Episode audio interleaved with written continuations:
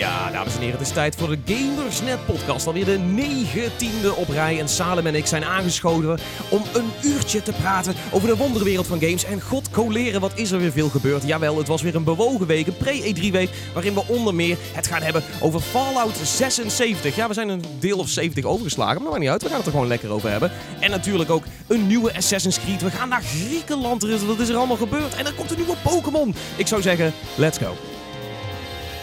Zitten alweer klaar. Dat doen we niet zomaar. Het is voor de Gamers Net podcast. Het is altijd een warm bad. Al lullen we soms echt maar wat bij de Gamers Net podcast. Want het is natuurlijk een show.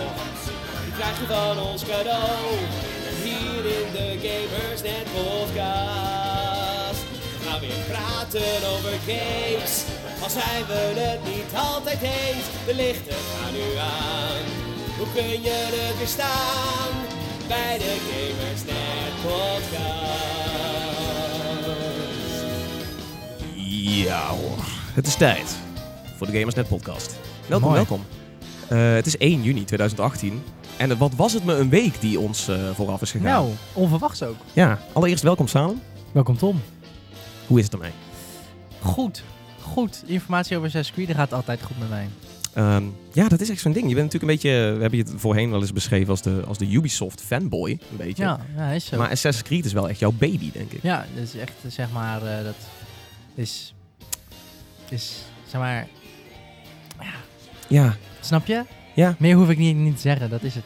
nee, dat- nee dat, dat blijkt maar weer eens. Nee, ik ben wel, ja, nee, ik, ik ben wel een beetje fanboy van, eh, van Assassin's Creed.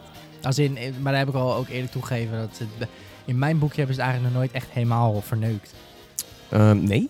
Nee, Dat is ook eh, alle bugs van, eh, van, wat was dat ook alweer? Unity. Daar heb ik geen last van gehad. Je- ik speel je- op de Xbox. De, de, de, ja, dat- dat, was ook echt zo'n ding. De Xbox was een soort van... Ja, die deed het prima. Ja. Ja, af en toe een beetje lag, maar ja, fuck it. Weet je wat ik zeg? Ik ben een fanboy, dan neem je dat voor lief. Ja, nee, oké. Dat, eh, dat blijkt maar weer eens. Maar, eh, Ja. nou oké, ja, we gaan het er denk ik zo even over hebben. Het was sowieso een beetje een bewogen week. We hebben, we hebben eigenlijk drie grote nieuwtjes. Denk wel drie onderwerpen waar we een beetje over kunnen gaan speculeren. Zeker, zeker. Ehm, maar laten we het allereerst gewoon eens eh, als, als vanouds aftrappen. Eh, hoe, hoe was je week in games? Wat heb je allemaal gespeeld? Wat wil je meegeven aan de mensen van... Nou, probeer dat eens. Ehm, nou, ik ben eerst was ik begonnen met een beetje Endgame God of War. Ik heb hem al uitgespeeld, maar even een beetje Endgame eromheen. Dat is wel leuk, maar eh, ja, ik ben nooit echt een Endgame kind of guy. Want ik heb altijd, als ik het dan heb uit... Ik doe sidequests om sterker te worden voor de campaign. Nou, als ik dan de campaign heb uitgespeeld, dan verlies ik een beetje motivatie vaak. Ja, snap ik. Eh, maar dat ligt aan mij, want voor de rest die game doet dat gewoon prima. Eh, maar wat ik ook even heb opgepakt, ik heb gisteren met Bas gespeeld, Basman 01. Eh, bij- ik Een, een, een oud gamer is net bezoeker. een oud gamers net bezoeken. Of ja, niet als in dat hij het niet meer doet, maar dat hij al heel lang er is. Heel, hij is al Ja, heel lang. Ja, En ik ken hem ook al heel lang. En ehm, we, hebben, we waren begonnen met Battlefield 1. oké. En eh, toen gingen wij eens even ja, over praten. Bas is namelijk best wel een, eh, een Battlefield fan. Hij is er ook heel goed in. Maar hij is ook groot fan van Battlefield 4. En eh, eh, Battlefield 1 is voor velen natuurlijk niet helemaal wat het had moeten zijn. Ehm, ja. Het was, ja, weet je... De, Ik vond het een van de minste Battlefields in jaren. Afgezien van Hardline dan, want Hardline eh, ja, Hardline zo- was, was meer een het soort spin-off. ja, was niet echt een officieel dit- deel. Ja, dit was een DICE game. Het moest een volwaardige Battlefield zijn. En heel veel mensen voelden... Het voelde best wel als een spin-off. En dat de, het grootste bewijs daarvan is... dat er gewoon nog zoveel mensen online zijn in Battlefield 4. En die heb ik dan ook met hem opgestart.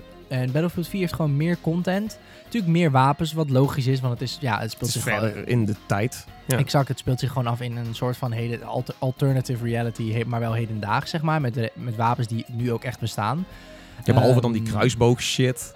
Ja, er zit wat wacky shit in, Ja, maar de basis, weet je, de FAMAS, de AK'tjes, de Ja, ja, PDW'tjes, de carbandjes, die zitten er allemaal in. 12. Spas Spas 12. 12. Het- Kunnen, we, kunnen we die inlijsten of zo hier op kantoor? De Spas het 12. is- Gewoon al, al is het maar voor het geluid wat die, wat die gun Dat is altijd heeft. een in- heerlijke gun, weet je. En Oh. dat merk je gewoon. En eh, Bas is dan toevallig ook best wel een, een, een, een gun-fanaat. Dat is ook een airsofter, dus dan heb je dat al snel. Hij zit bij de Ehm, NRA, Ook. de Nederlandse Rifle Association. Mooi.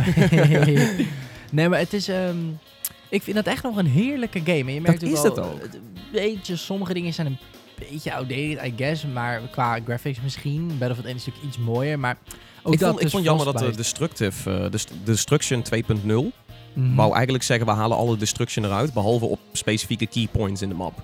Ja, dat was die eh, soort van, eh, die soort van eh, wat de Behemoth is in Battlefield 1. Dat soort van eh, scripted event. Grote scripted event Ja, dat was dan, ja, dat is zo. Maar ehm, ik persoonlijk heb zoiets van, dat zit in Conquest. Bijvoorbeeld de best, meest bekende stuk Shanghai, dat dat gebouw naar beneden kan.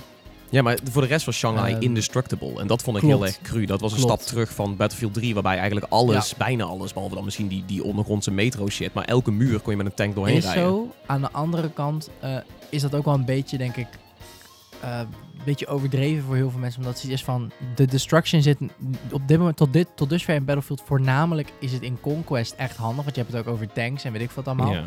Maar ik hoop gewoon, eh, dat heb ik ook, ik heb heel veel gepraat over Battlefield 5 met hem. Want ja, we zaten Battlefield te spelen, dus ga je ook speculeren over de nieuwe. Tuurlijk. En we hebben allebei wel meer hoop, omdat de Tweede Wereldoorlog zich waarschijnlijk gewoon iets beter leent ervoor dan, dan de Eerste Wereldoorlog. Want dat was hem Ja. gewoon net niet.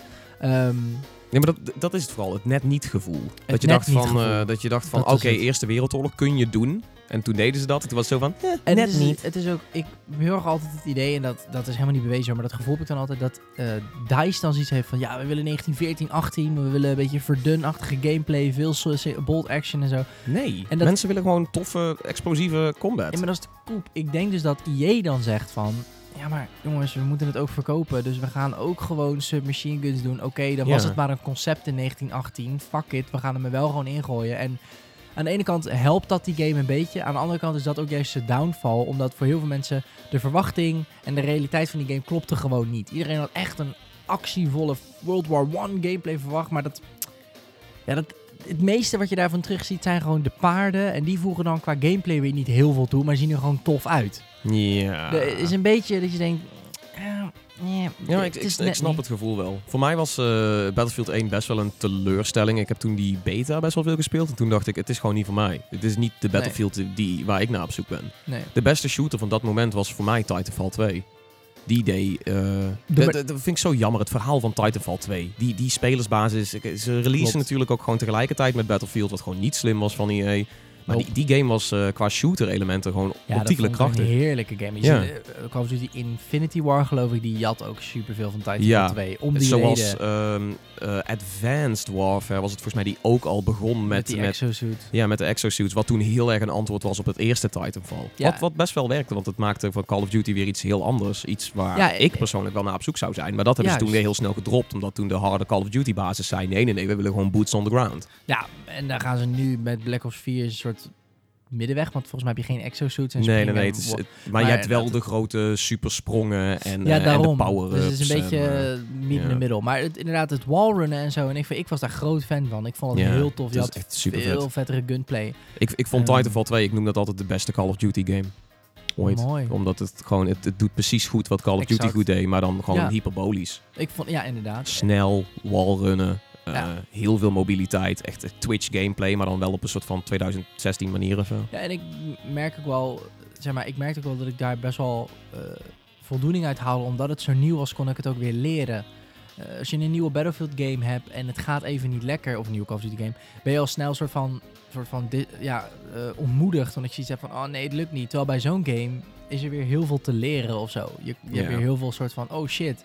ehm, het is wallrunnen, het is wallclimben, dit is nieuw. En al maak je daar dan maar één kill mee terwijl je aan de muur aan het rennen bent. Je hebt gelijk weer zo'n gevoel van, oh shit, Ja, wat ja, heb ik nu toch weer gedaan? Precies. Dat En- is, dat is vooral, die momentjes. Maar ehm, oké, Ja. dus, dus stel je bent nu hype voor Battlefield 5. Zou jij zeggen, ga Battlefield 1 nog even spelen? Of zeg je, ga Battlefield 4 nog even spelen? Ik zou zeggen, pak lekker Battlefield 4 op. En ik hoop gewoon, en dat is echt mijn hoop. ehm, Battlefield 5, ik ben echt hyped. Want die zijn echt, nogmaals, ga de detaillijst lezen. Want er zijn, de trailer doet die game echt niet goed gewoon. Het lijkt heel erg een soort van kiddie Fortnite-achtige shit. Is het, naar mijn weten, helemaal niet van wat er, wat er behind the scenes verteld ja, is. is denk ik wel het verhaal Ehm, wat EA naar buiten wil brengen. Van dit is, dat eh, is dit het. is kleurrijke, eh, eh, chaotische, explosieve fun. En Yep. je kunt lekker over de top karakters zelf Dat maken. was het. En, en dat was ook waar ik het met Bas ook heel erg over had. Hij zei van ja, ik heb heel veel hoop voor de game. Want hij zei ja, het is Battlefield, Tweede Wereldoorlog. Dus, en Bas hij geeft in toe, hij is wel een beetje fanboy. Dus hij zegt van ja, mij zal het nooit helemaal teleurstellen. Ehm, maar ik zei ook tegen van, ik denk eerder dat deze trailer teleurstellend is dan de game uiteindelijk. Want het is gewoon de marketingcampagne van EA op dit moment. Is gewoon best wel heel erg kid-friendly. Eh, Kid-friendly. En, en ze proberen terug te komen van het Battlefront 2 fiasco natuurlijk. Dat, Dat is, ze willen heel erg in de, in de marketing en in de media willen ze heel erg van, hey, geen lootboxes, eh, geen season pass of premium pass, zoals zij dat dan noemen. Ja. En, eh, en echt, ze, ze proberen zichzelf heel erg down te lokken van, hey, dit wordt een goede game, dit wordt een goede game, geen zorgen, geen zorgen, we gaan het niet verneuken. Eh, wat een beetje een soort van nare marketing is, maar goed, misschien moet het wel. Het is alleen een beetje jammer dat, eh, dat DICE daar eh, best wel harde klappen voor krijgt, zeg maar. Qua, qua imago dan of zo. En, en dat is het inderdaad. Maar je merkt gewoon, Battlefield 4 wordt nog superveel gespeeld. Bijna alle DLC's zijn inmiddels gratis voorbijgekomen op zowel Origin als Xbox Live als PlayStation Plus waarschijnlijk. Zo niet, het Premium Pass is het ook echt waard. De DLC is leuk, de game is leuk. Is, ehm, Gunmaster is een modus, een soort van gun game van Call of Duty, maar dan voor Battlefield. Is echt ook een heerlijke modus om dan erin te komen. En, eh, je team deathmatches op een map die heet Operation Locker. Dus dat is gewoon heel veel knallen in een gevangenis. En Ik ben gewoon een sukker voor, voor Conquest, man. Dat is voor mij de, gewoon de oude, de oude Battlefield vibe. Ja, het, is, het werkt gewoon goed. Het is chill. En Battlefield 4 is het net wel. Waar Battlefield 1 het net niet is. Ja, Ehm, nee, die voel ik wel. En dat, ja, dat vind ik jammer natuurlijk van Battlefield 1. Maar eh, ja, ik hoop gewoon dat Battlefield 5 dat weer goed maakt. Dat Ik is- hoop het ook wel. Ik begin langzaam maar zeker een beetje, een beetje hype te worden voor die game. Maar, maar een soort van gematigd. Ik heb zoiets van, ik ben, ik ben hoopvol. Maar ik wil wel even wachten tot er inderdaad betere trailers en betere gameplaybeelden zijn. Ja. Dat we net een iets beter idee krijgen van wat ze nou precies gaan 9 doen qua juni. gameplay. Ja, ja, goed. EA Play gaan we het zien als het Ja. goed is. Dus Ik, eh, ik neem het aan van wel. Ik, ik verwacht alweer dat ze net als met, volgens mij was dat Battlefield 4, dat ze dan zo'n demo deden van 32 tegen 32. Dat ze echt Ja. ontiegelijk veel mensen gaan- stage hebben. ze, gaan op de, ze gaan de multiplayer sowieso showcase en niet de campaign zoals vroeger. Maar ik hoop wel ehm, dat ze de, in de beta ook heel snel droppen. Dat hebben ze natuurlijk ook een keer gedaan. Van de Ja. beta is gewoon nu live. dat Eh, zie ik ze wel doen op, eh, vanaf EA Play inderdaad. Ja, want EA Play is namelijk ook heel erg... Ze hebben volgens mij ook een persconferentie namelijk tegelijk lopen in Londen. Ja. En daarom is het ook om 8 uur 's avonds. Dus ze hebben een tijd gekozen dat voor zowel LA als Londen het schappelijk is. En het idee is natuurlijk omdat FIFA bijvoorbeeld is... een- hun markt zit super erg in Europa. Dus ze Ja. betrekken, EA betrekt Europa er ook heel vaak bij. En vandaar dat ze ook meestal zeggen van... de beta is nu live. Of in ieder geval, je kan de game ook in Londen spelen. Ja, waardoor het precies. voor Europeanen weer wat... de Europese pers ook wat toegankelijker is. Dat je niet helemaal naar Wat LA ze best wel, eh, best wel slim gedaan hebben. Dat ze dus Ja. echt die twee persconferenties los doen. Vooral Klopt. omdat zij natuurlijk, weet je wel, eh, een Madden kun je hier niet verkopen. Maar een Nee. FIFA kun je daar weer niet verkopen. Dus Daarom. dat- ze zitten daar natuurlijk een beetje in een lastig bestek. Koep. En wat mij laatst ook verteld is, ik weet niet of het waar is, maar volgens mij wel, maar in Duitsland heeft FIFA dus ook gewoon een andere speler op de cover. Wist je dat? Dat, eh, volgens mij doen ze dat vaker, ja. Ja, dat, ze wel eh, bijvoorbeeld, weet ik veel, Robben of een andere grote speler in de Duitse league, de Duitse liga, neerzetten in plaats van bijvoorbeeld Ronaldo. Want wij krijgen Ronaldo, want ja, ze gaan niet, een, ze gaan niet Dirk Een- Kuyt of zo. Eh, of, een Nederlandse, Nee, dat, dat is gewoon de, te- de Johan Cruijff Memorial Edition of zo. eh. Ja, dat is gewoon, nou, dat zou, Johan Cruijff vind ik dan wel een groot genoegen naam. Dan mogen ze dat goddomme die man wel... Nou, nou, moet, de Van Gaal versie. nou moet ik, nee, wacht, dat doe ik Rotterdams. Ja, de, ja. moet- nou moet ik aan jou aan denken. Ja, ja, ja. Gooi even zo'n eh, zo'n lekkere Johan-wijsheid erin of zo. Kijk, je moet, je moet het zo zien. Je hebt Battlefield bijvoorbeeld, ja. Ja. Ik zeg altijd bij Conquest eh driehoekjes. Je kan aanvallen naar A, ja. Maar denk ook aan B en hou in je verdediging C. Dat is eigenlijk driehoekjes denken, hè. En vergeet D en E. Vergeet D en E. Ik, ik zou willen dat die guy nog bestond, gewoon puur en alleen nou om commentaar te geven op Battlefield matches of zo. Dat zou ja, dat zou zijn. echt heel vet zijn als die shoutcaster was. Een shoutcaster inderdaad. rustig. Gewoon, maar dan niet, niet, niet hevig doen, niet snel, niet chaotisch, maar inderdaad gewoon die, die, eh, dat stoïcijnse van, van zichzelf houden dan inderdaad. Mooi. Ehm, ik, heb, eh, ik heb veel eh, PUBG gespeeld man. Ja, Ja, eh, PUBG is nog steeds een dingetje wat vaak jouw opgestart game, hè? wordt. Ja, ja, een beetje wel. Maar ik, eh, kijk, dat, eh, dat horen mensen natuurlijk op de podcast al veel vaker, dat ik dat vaak opstart. Ik denk dat het nu wel interessanter is dat, ik heb Thieves opgepakt. Jij trouwens ook. ja. Je probeerde nog mee te doen die avond, maar we zaten Ja. toen vrij snel vrij vol. Maakt het niet uit. Ik moest die dag daarna afrijden, dus ik dacht ik ga niet al te laat slapen. en plus varen en rijden, dat gaat niet goed samen. Nee, Nee. dat is niet, is Nee. niet. Dan ben ik off-balance. Nee, Ja, maar, precies. ehm, ik, ja, ik heb heel even gewoon het begin gespeeld. Ik heb een beetje rondgevaren. En ja, ik moet zeggen, het is wel precies wat ik ervan dacht. Als in, ik wilde wegvaren en ik dacht...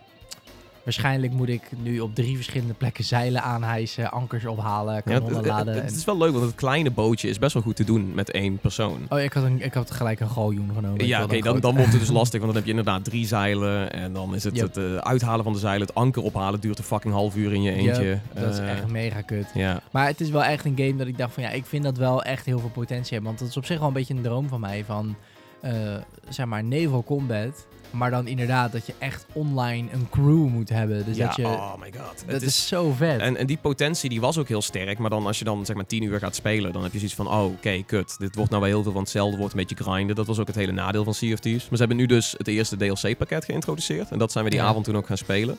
Ehm, ik denk dat we er met, eh, met vier uur of zo waren wij er doorheen. Door de nieuwe, de nieuwe quest, zeg maar. Mhm. Eh, het kan korter als je het sneller doet. Maar wij hebben echt een leuk avontuur gehad. Als Nou. in, je moet nu dus ook echt op een gigantische eh haai gaan jagen. Of in ieder geval Oh, kun je dan doen. Megalodon. Ja, de Megalodon. Of de, hij heet in de game heet hij dan The Hungering One. Maar het is inderdaad Mhm. gebaseerd op zo'n prehistorische haai. Eh, maar dat was super vet, want we hadden dus op een gegeven moment niet één crew, maar we hebben daar dus echt twee crews voor nodig. En zelfs toen Oh, was het vet. moeilijk. Dus we hebben met twee boten, en, eh, zeg maar vier vriendelijke Duitsers. En dan eh, waren wij Ja. met z'n drieën. Altijd. En, maar ook echt gewoon langsvaren. En, van, en dan heb je nu zo'n megafoon, dus dan schreeuw je naar hun van... Hé hey, jongens, zijn jullie ook op zoek naar de haai, weet je wel? Ja, ja we, are, we are also searching for the shark, huh? Ah, you want to join us? En dan, we kwamen op hun boot, we speelden het nummer, we summerden... Want dan moet je dus, moet je dus met z'n vijven moet je trommelen en dan summen je, zeg maar, de... Oh, de- maar, want dan het dus niet meer. Je crew is max vier personen. je, je, crew, je crew is max vier personen, dus ze hebben dat nu zo ook ingesteld dat je wel moet gaan samenwerken met andere crews. Ja, en dat zorgt voor een zo ontiegelijk gezellige vibe. ja. Want iedereen was op zoek naar die Megalodon. Dus ook iedereen die je tegenkwam op zee, eh, die, die was kalm. Weet je, niemand probeerde te schieten. Want ze hadden zoiets van, hey, wil je ons straks helpen? Of wa- waar, waar zitten jullie? Vet. Hebben jullie hem al gevonden, weet je wel? Mhm. Eh, en met die Duitsers ook, joh. We hebben, we hebben op stream hebben we nog lopen, lopen chillen met die Duitsers achteraf. En, eh, en, en wat spelletjes met ze gespeeld. Gewoon omdat we echt zoiets hadden van, joh, we hebben echt een super tof avontuur met z'n allen Ziek. achter de rug. Laten we lekker gaan chillen op het strand. Eh, dus ik had echt zoiets van, dit voorspelt veel goeds voor de Sea of Thieves toekomst. Want het is natuurlijk wel, het, het gebrek aan content is het hele grote punt daaraan. Nu komt er meer content en eh, dit is dus het eerste pakket van de, van de drie die ze nu aangekondigd hebben. En dit is ook het kleinste pakket. Want Juist. dit is het team wat zeg maar het kortst op DLC heeft gezeten.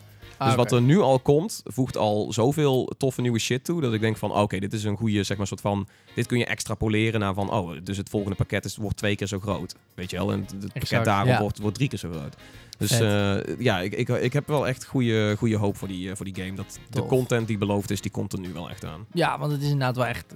Met acht man op een boot is nog vetter, neem ik aan. Of kan dat Ja, ja, nou nee, goed, dat hebben we dus wel gedaan. Eh, eh, die, die Megalodon, die, die fuckte al onze boten op. Want ja, dat is een enorme haai. is gewoon net zo groot als de boot zelf. Dus die Mhm. neemt echt happen uit je, uit je complete boot. Eh, wat ik heel veel heb gedaan, is ik heb mezelf met kanonnen... heb ik mezelf van de ene naar de andere boot de hele tijd ge- ge- geschoten. Nice. Omdat soms we- werden er gewoon zoveel gaten in de boot gehapt... dat gewoon echt meerdere mensen... dat Oké jongens, we moeten nu allemaal naar hun boot. Allemaal, weet je wel, gaan timmeren. Eh, gaan hozen en dan weer terug naar onze boot. Want dan is de haai waarschijnlijk daar weer aan het vechten en zo. Dus het was echt een... Ik denk dat het een battle was van, van 25 minuten of zo. Maar het was gewoon echt super episch om, om dat ding te bestoken. Beetje MMO-achtig, dat je dan met zoveel mensen één bos aanvalt. Ja, ja zo, zo voelde het wel een beetje. Wat on- ontiegelijk tof was. En gewoon Ja. de, de, de, voor de rest van de avond was de vibe in de game gewoon zo ontiegelijk vriendelijk. Dat ik echt zoiets had van, dit is, dit is precies wat Rare wou. En, eh, en dat voelde echt heel goed. Dus, dus ja, ik, eh, ik ben benieuwd wat er de komende maanden nog allemaal met die game gaat gebeuren. Ik verwacht sowieso op E3 een, eh, een trailertje. Ja, dat ze bij de Xbox persconferentie eh, de, de nieuwe DLC even laten zien. Om eh, Ja. nou, aan iedereen te tonen van, hey, Sea of Thieves is nu uit. En nou ja, misschien dat sommige mensen het wat teleurstellend vonden. Maar hier, kijk, we zijn nu goed bezig met content. Dus probeer het nog eens of zo. Ja, Dat zie ik wel gebeuren. right.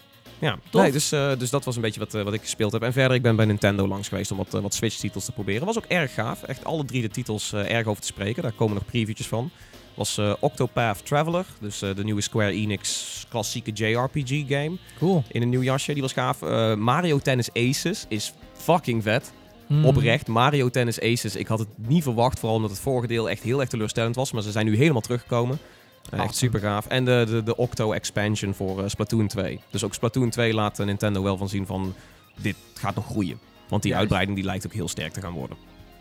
Tof. Dus eh, dat gaat allemaal verschijnen. Maar ehm, laten we het even hebben. Want nou ja, goed, normaal zitten we hier met drie man. eh, maar we zitten hier nu met twee man. Ja, Ik denk wel dat we, dat we genoeg hebben aan nieuws om drie onderwerpjes eh, op ja te gooien. makkelijk. Makkelijk. Dus we hebben allereerst de aankondiging van, van Pokémon Let's Go.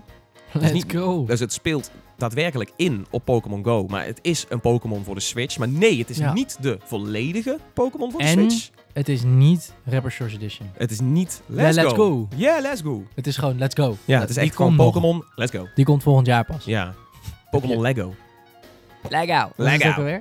Het is- sowieso een Iets van rapper, een ding. Ja, iets van een rapper. Iets, iets van rapper. Eh. Van een rapper shot. Nee, eh, dus, dus we hebben Pokémon Let's Go. Is, vond ik groot nieuws. Ehm, die, eh, die komt er binnenkort aan. We hebben Assassin's Creed Odyssey.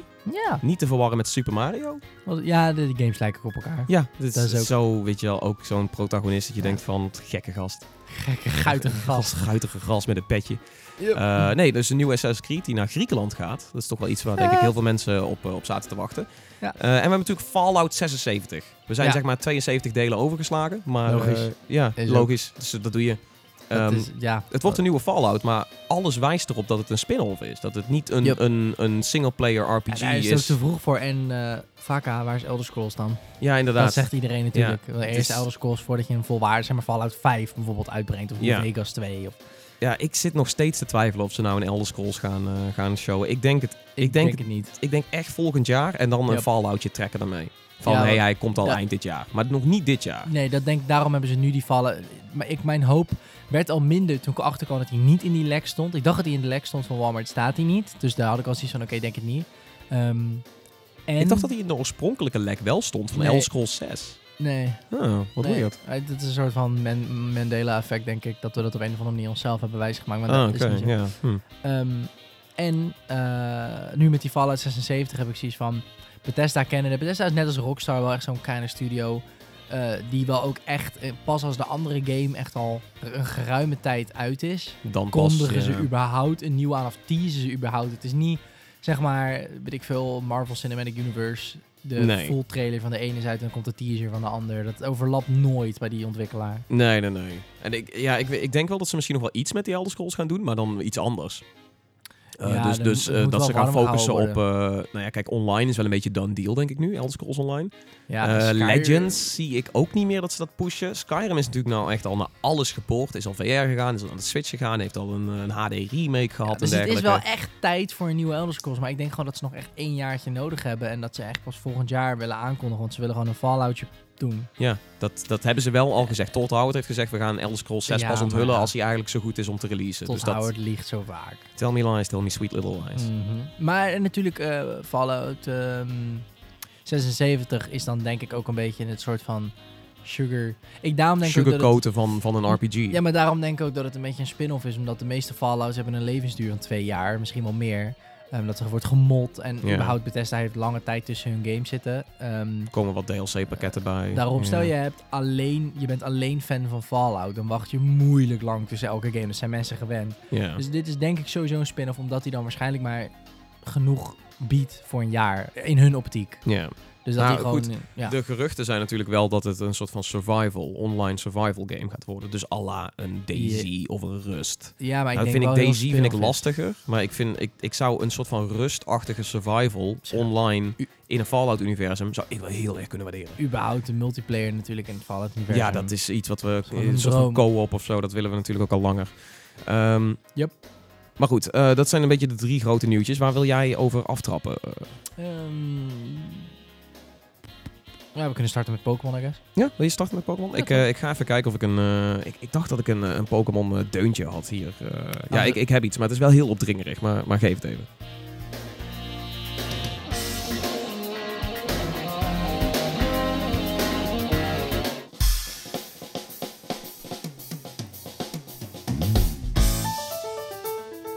Mooi.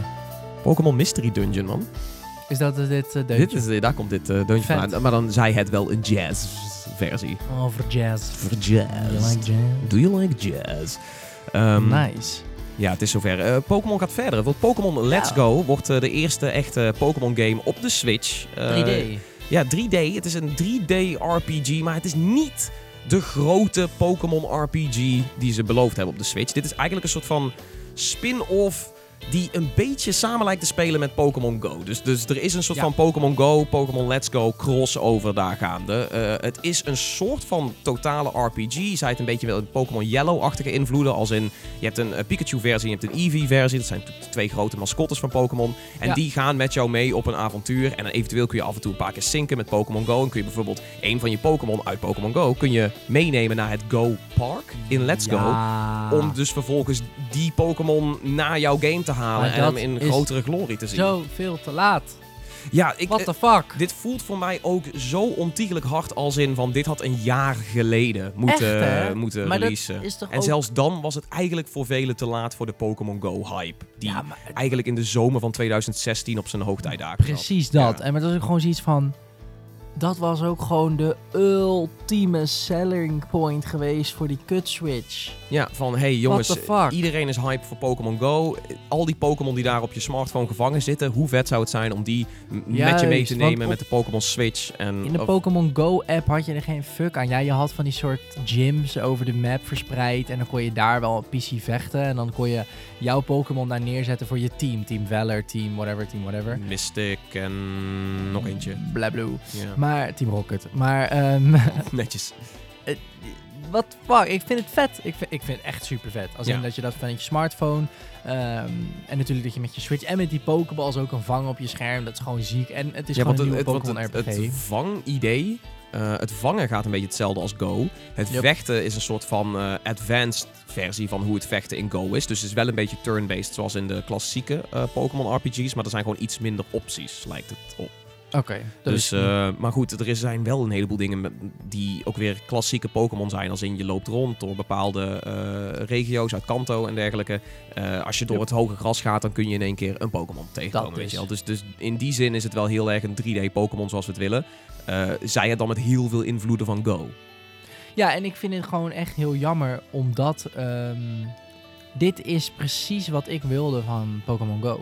Ik had ook echt zoiets van, waarom kan ik niet meer met mijn gevangen Pokémon?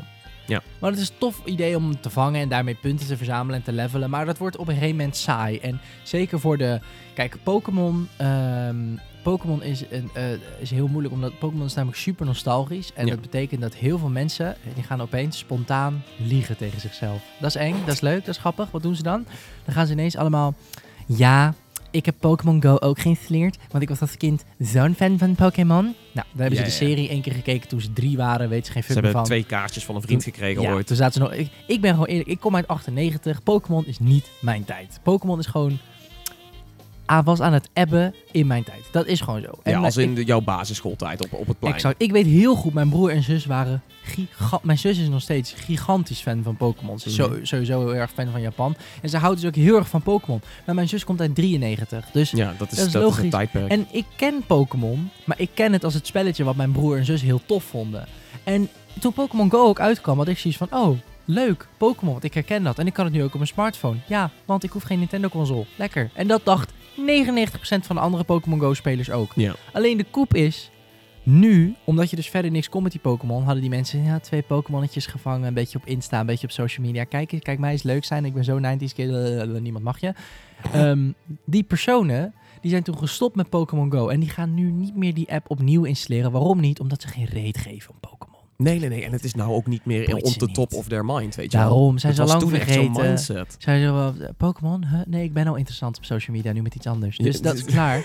Dus dat boeit dan niet. Ik hoef niet meer mee te doen met die trend. Dat is het. Het boeit niet meer. En het geeft niet. Niet, niet, om, niet om te midden van Pokémon Go, want het, gewoon, was een hartstikke leuk spelletje. Maar als dat eerder was geweest, had je kunnen inspelen op die losers. Die hadden dan allemaal een Switch gekocht om nog meer te zijn van... Oh, en ik heb kijk. Pokémon op mijn reet getatoeëerd en ik neuk Pikachu in mijn slaap. Ja. Dat soort mensen. Ja. Nou, die, maar die, die, boot is nu gevaren. Dus ik vind het jammer, omdat dit de, de potentie was van Pokémon Go. En die blijft nu eigenlijk alleen over voor de echte Pokémon-fan. Die echt vroeger dat gekeken hebben. Of misschien niet vroeger hebben Ja, maar gekeken, ik- maar ik- nu het echt heel tof vinden. Ik denk dat er voor die gasten wel een heleboel fanservice in zit. Want eh, wat, wat we zagen van die trailer, het is, het is wel ontzettend netjes gedaan. Als in, je hebt dan de, de Pikachu Edition en de Eevee Edition. Ja. Nou, dat zijn echt je buddies. Je ziet echt cutscenes waarin ze eh, gewoon echt super mooi interactie hebben met jouw karakter en dergelijke. Voor en dan Pokémon-fan is het Ja, geweldig. want natuurlijk, het- ik denk dat elke Pokémon-fan wel een warm hart toedraagt aan een Pikachu en een Eevee. Dat zijn gewoon echt de, de grootste, de bekendste, de schattigste Pokémon zo'n beetje. Eh, dat je daarmee kan bonden. Of in en ieder het geval zijn een van de oudste natuurlijk. Ja, dat is van precies. vroeger de serie was Pikachu het, het, het konijntje van Ash als het ware. Of wat is Pikachu? Ja, een rat volgens mij. Ja, het is een soort rat meets konijn geloof ik. Ja, ik geloof eh, dat... elektrische... Ik geloof dat er Electrical Red of zo staat bij zijn beschrijving in, Ja, in sommige games. Want zijn evolutie is natuurlijk ook eh Rata, Rata, Ja, Raichu? nee, nee, nee, Raichu, Raichu. Oh. En Pichu. En Plussel en Minnel. Of wat is het? Pl- Plus, minus en Plussel of zo. Zijn Nou, zeker, daar gaat mijn kennis toch Ja, nou goed, dat is eh, al helemaal tweede of derde generatie, zeg maar. Hij had helemaal nooit eh, gekeken, joh. Ja, daar hij had het niet, eh, helemaal niet meegekregen. Nee, maar dat, dat is het ding. En, ja, ik vind het jammer. Maar inderdaad, wat je zegt, eh, voor de Pokémon-liefhebber, de echte liefhebber, of gewoon. En je hoeft niet in eh, 19, eh, 1902 geboren te zijn om Pokémon vet te vinden. Dat zeg ik helemaal niet. Het kan ook zijn dat jij gewoon heel jong bent. Pokémon Go, jouw eerste, aan, jouw eerste contact was met Pokémon en je gewoon hooked was. Dat geloof ik ook hoor. Dat Ja. zal best bestaan. Dat zeg ik helemaal niet. Ik zeg alleen dat er heel veel mensen van mijn leeftijd zijn geweest waarvan ik echt zoiets had van. Fakers. Echt? Gewoon fuckboys. Je bent zo'n poser, want je kent, je, bent, je komt uit hetzelfde jaar als ik. Gelul dat jij heel veel Pokémon hebt gekeken. Dat heb je helemaal niet. Nee, dat is, als, je, als je 98 hebt, dan inderdaad, dan heb je dat denk ik net aan een beetje... Ebbe, weet je, je had toen al veel meer. Je moet beseffen, mijn eerste handheld was de DS Lite. Ja, dat is wel een dingetje inderdaad. Toen was het al, het was een ander moment. Pokémon was toen al niet meer niche. Het was niet meer zo mainstream als daarvoor. Het is wel de tijd dat ze, dat ze begonnen met de remasters van de klassieke games. Weet je, Hard Gold Ja, en Soul Silver op de DS Lite. Ook waren weer dan sterk. voor die hardcore mensen die behoefte hebben aan een remaster. Ja, weet je, die, die, die, die, die, die, Ik had dat. Ja, Maar, Daarom, maar het, het is gewoon... ehm geeft helemaal niet hoor, maar ik bedoel... ehm, dat vind ik jammer, dat ik zoiets heb van... Gewoon puur vanuit marketing. Ja, ze hadden, er, ze hadden er eerder bij jammer. moeten zijn. Maar ik, ik Ja, denk nog steeds wel dat het een, laat eh, het een- is nog steeds een game die heel veel succes kan boeken. Maar dan inderdaad niet, niet meer bij de posers, niet meer bij de fuckboys en de basic bitches. Maar in, echt Japan, bij de... in Japan, iedereen loopt af te trekken hierop. Dit is natuurlijk Ja, want daar, daar zijn ze echt allemaal eh, de, opgegroeid met Pokémon. Maar ook als je daar uit 98 komt, weet je, bij Nou ja. Pokémon is daar nog steeds een soort van een heel erg popcultuur dingetje. Ik Ja, bedoel, daarom. eh, daar zit daar notabene Nintendo, de Pokémon Company zit daar. Die, die, die Exact. komen op grote evenementen, grote beurzen, komen ze met legers van En mensen in schattige Pikachu Switch, pakken. Switch is de best verkochte console daar, by far. Ja, nee, ik Dus- denk dat er zeker wel een markt voor is. In Japan is dit gewoon done. En in het westen heb je gewoon genoeg ook nog een... Die niche Ja, ja. van Pokémon is nog steeds gigantisch. Hebt nog steeds Er is weinig niche, mensen, dat is echt maar- gewoon een eh, subcultuur. Eh, ja, inderdaad. Ehm, dus het is, ja, ik, ik, heb, ik ben enorm benieuwd naar die game. En het lijkt me ontzettend leuk om te zien. Gewoon puur vanuit technologisch aspect ook. Van dat je met je smartphone aan je Switch kan connecten en zo. Ik vind dat leuk om Ja. te zien. Alleen ik moet wel... Kunt ontvangen van de een van de ander. Exact, Ja. je, je gevangen Pokémon. Weet je, ik vind dat vet dat je dan gewoon met je smartphone de straat op kan. eh, daar kan vangen, het kan sturen naar je Switch. Je kan natuurlijk ook je Switch meenemen en gewoon dat onderweg spelen. Dus Ja. je kan het allebei meenemen. Dat vind ik heel tof, maar ik moet gewoon heel eerlijk zijn.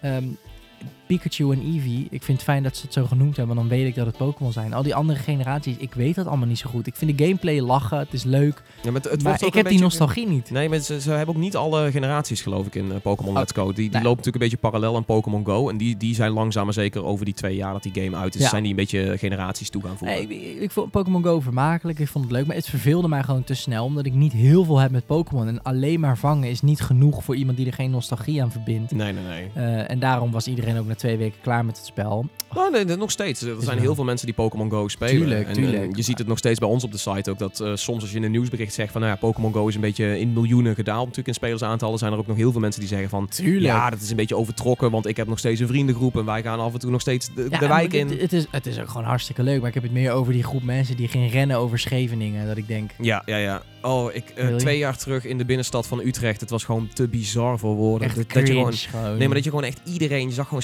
straten waar mensen gewoon aan het wachten waren op bepaalde Pokémon. Met En, een schaap. Maar Nee, zeg echt dan gewoon eerlijk. Nee, ik, ik, toen had ik ook echt zoiets zo van... Holy shit, dit is nu echt overdreven mainstream. Ja, Als in, ik ja, zag, ik zag oudjes het doen. Ik zag hele jonge kinderen het doen. Heel veel studenten waarvan ik dacht van... Volgens mij hebben jullie helemaal niet zoveel met Pokémon. Maar jullie zitten er nou in omdat de hype nou zo is. dat, en dat vind ik gewoon zonde. Dat ik zoiets heb van, ja, weet je, je mag het gewoon spelen, je mag er hoekt aan zijn. Maar als je niks vindt, zeg dan gewoon dat je ni- niks vindt. Ik zeg gewoon eerlijk, na anderhalf, twee weken had ik zoiets van, ja...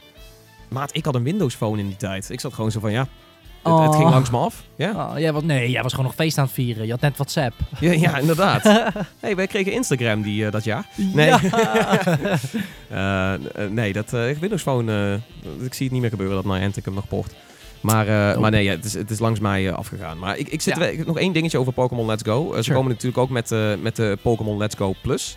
Oh ja. De bal, de Pokéball Oh, die ze nu gemaakt ja, hebben. ja, ja, kost wel ja. 50 euro, maar lijkt mij een Alleen die heel... bal? Alleen die bal kost 50 euro. Eh, maar hij is dus schijnbaar eh, te, te, te matchen met je Switch. Hij is schijnbaar te matchen met de smartphone. Eh, je kunt een Pokémon uit Pokémon Let's Go op je Ja. bal laden en meenemen. Hij, hij krijgt dan schijnbaar ook de, Ja. de ring, krijgt een kleurtje. Als je Pikachu hebt, heb je een geel lijntje of zo. Als je Eevee hebt, zou je wel een beige lijntje krijgen. Iets in die richting. Eh, ik vind dat tof, want het doet mij een beetje denken aan de Poké Walker. En ik vond de Poké Walker vond ik ook Ah, een super oké. tof concept. Dat je Maar één Pokémon mee kon nemen op je, op je stappenteller. dat is ook weer zoiets. Dat vind ik altijd grappig aan Nintendo. Ik heb het gevoel dat Nintendo eh, ontkent het bestaan van het Westen altijd. Vind ik. Hoezo? Vind je dat niet? Nou, dit kan niet in het Westen. Niemand gaat er kopen hier. Oh nee, ik zie het echt wel gebeuren. Hetzelfde Nee, dat ik ook eh, Pokémon Go Plus had je natuurlijk de, Ja, de, de soort van smartwatch-achtig dingetje. Dat heb ik ook nog wel mensen Ja zien maar, dit- ja, maar dat is ook in de niche. Geloof mij nou maar. Nee, nee, nee. Mijn vaste cashier bij de Jumbo had het ding altijd om. Ik, Ja, ik was oké. met haar altijd aan het praten over, eh, over Pokémon Go. Ik, het is, ik heb altijd het idee met dat soort dingen. 50 euro voor zo'n bal waar je dan je Pokémon op kan laden. Ik, ja, misschien ben ik heel stereotyp. Maar ik heb heel het gevoel dat dat dan in Japan wel echt heel stoer is ook. Maar hier, ik heb, ja, dat is toch Ja, gewoon ik- te niche. Ik hoop vooral dat ze, hem, dat ze hem doortrekken. Dat hij niet alleen gaat werken voor Pokémon Go en Pokémon Let's Go.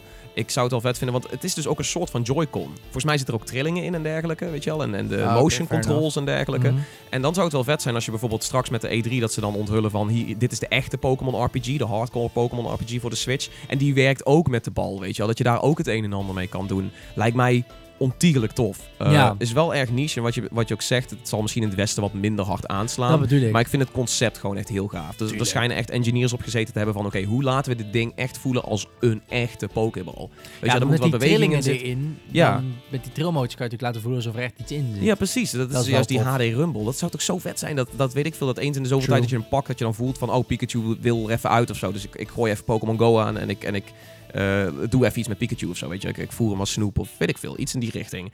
Eh, vind ik heel tof, want op die manier is het wel... Ja, het is natuurlijk een beetje een, een, een soort van vergane droom. Maar het lijkt mij heel tof om Pokémon in het echte leven te hebben. Dit is wat tot dusver het dichtstbij komt. Dit is de meest dichtbijzijnde simulatie. Ja, precies. Dat je in ieder Pokémon geval... Go VR. Ja, nou ja, hij is, hij, go. hij is niet in de wereld of zo, je Pokémon. Maar het is wel een soort Ja, van met tof die- idee dat je hem mee kan Met dragen. Pokémon Go heb je natuurlijk wel die AR. Ja, en dus wat dan ze is het een soort van... van... In die trailer liep Eevee en zo natuurlijk wel achter je aan. Het zou wel op zich tof zijn als je Pokémon Go opstart. Dat je dan ook gewoon een modus hebt dat je gewoon even om je heen kijkt. En dat Eevee en Pikachu om je heen lopen of zo. Ja, Dat, precies. eh, Net als in de game. Dat je dan ergens Ja. anders bent, en maar dat dan Eevee of Pikachu ook nog steeds met je bij, je is, zeg maar. Ja, en dat is denk ik een beetje die koep. Het is nog steeds heel leuk echt voor die nostalgische mensen. Want die vinden deze droom ook nog echt heel tof. Het is gewoon een Ja, kinderdroom. ik, ja, d- dat is wat ik Ja. zeg. Het is een beetje een vergane droom. Maar niet- is iets wat we zeg maar t- 20 jaar geleden wouden we, wouden we heel graag eh, Pokémon in het echt. Nu, nu komen we een Go. beetje dichtbij. Ja, precies. Ja, daarom snap ik ook dat heel veel kinderen het nu spelen. En dat het natuurlijk gewoon nog steeds heel leuk is voor kids. Ja. Het verschijnt trouwens eh, 16 november alweer. 16 hoor. Ja, Ja, 16 16 zo op. snel. Ja, dat Ja, gaat, ik, eh, gaat hard. Dus ik ik, ben vo- heel ik benieuwd. hoop volgend jaar dan de, de volwaardige eh, Pokémon van Game We Freak. gaan het zien. Ja. Nee, ik ben heel erg benieuwd, want, want nog steeds, dat zijn fantastische RPG's. Als ze dat nou een keer echt op de Switch doen, of in ieder geval echt een 3D Pokémon, oh, dat is, dat zou zo mooi zijn. Yep. Ja. Ehm, Pokémon Let's Go, 16 november. Op de Switch natuurlijk en eh, eventueel bij je, met een, met een bal. Mooi. Dus het, het is met je mee. Pokémon Let's Go is overal. Het is overal. Waar, is die, waar komt die uit? Bij jou? Bij jou. Oh. In je hart. Wauw, in je kinderhart. Je makkelijk beïnvloedbare, geld, veel te snel geld uitgevende, marketing, soepele kinderhart. Nostalgische dromen gewoon Ja. omzetten in financiën. Misschien moet je bij Nintendo Hoppa. een baantje zoeken. Ja. Nintendo Ehm, hit me up. Hey, eh, Assassin's Creed, zullen we, het, eh, zullen we het daar even over hebben? Ja, let's go. Het is, eh, het is Odyssey natuurlijk. Ehm jee, we krijgen weer een nieuwe Assassin's Creed. Het wordt niet een tweejaarlijkse release. Het wordt weer gewoon... Ubisoft heeft zoiets van... We hebben één keer een hiatus gehad. één keer een vakantie nou ja, genomen. gerucht is dat die herfst 2019 uitkomt, maar dat, Dat- ze hem nu gewoon teasen. Dat En zou toch veel te vroeg zijn. Maar dat, eh, Ubisoft weet dat je dingen niet te vroeg moet teasen. Want dat, Dat gaat alleen maar afbouwen. Denk aan waar. Watch Dogs. Oh nee, wacht even. Er was een andere gerucht die voor eh, 31 maart 2019 uit kwam. Voor het einde van het fiscale jaar van Ubisoft. Ja, ja, oké. Dus dat, dat dat zou nog haalbaar zijn, inderdaad. En niet Ja. te lang. Ik eh, vind het best. Ik, heb wat Peter laatst ook zei, als natuurlijk één ontwikkelaar een jaar wacht, moeten ze allemaal een jaar wachten. Of een jaar langer ontwikkelen, zijn niet aan het wachten. Ehm, dat is dat, ja. Komt er een tune eerst nog? Ja, ik zat te denken, ik kan wel even een, eh, een ander bedje opzetten. Ik heb alleen niks echt Assassin's Creed Heb je gerelateerd. niet iets Grieks? Iets Grieks. Iets, iets 300? Three- Oh my god. Iets ja. actie? Oh nee, ik, ik heb wel iets anders wat een beetje erop inspeelt. Wacht, wacht, wacht. Eh, Oké, komt oké,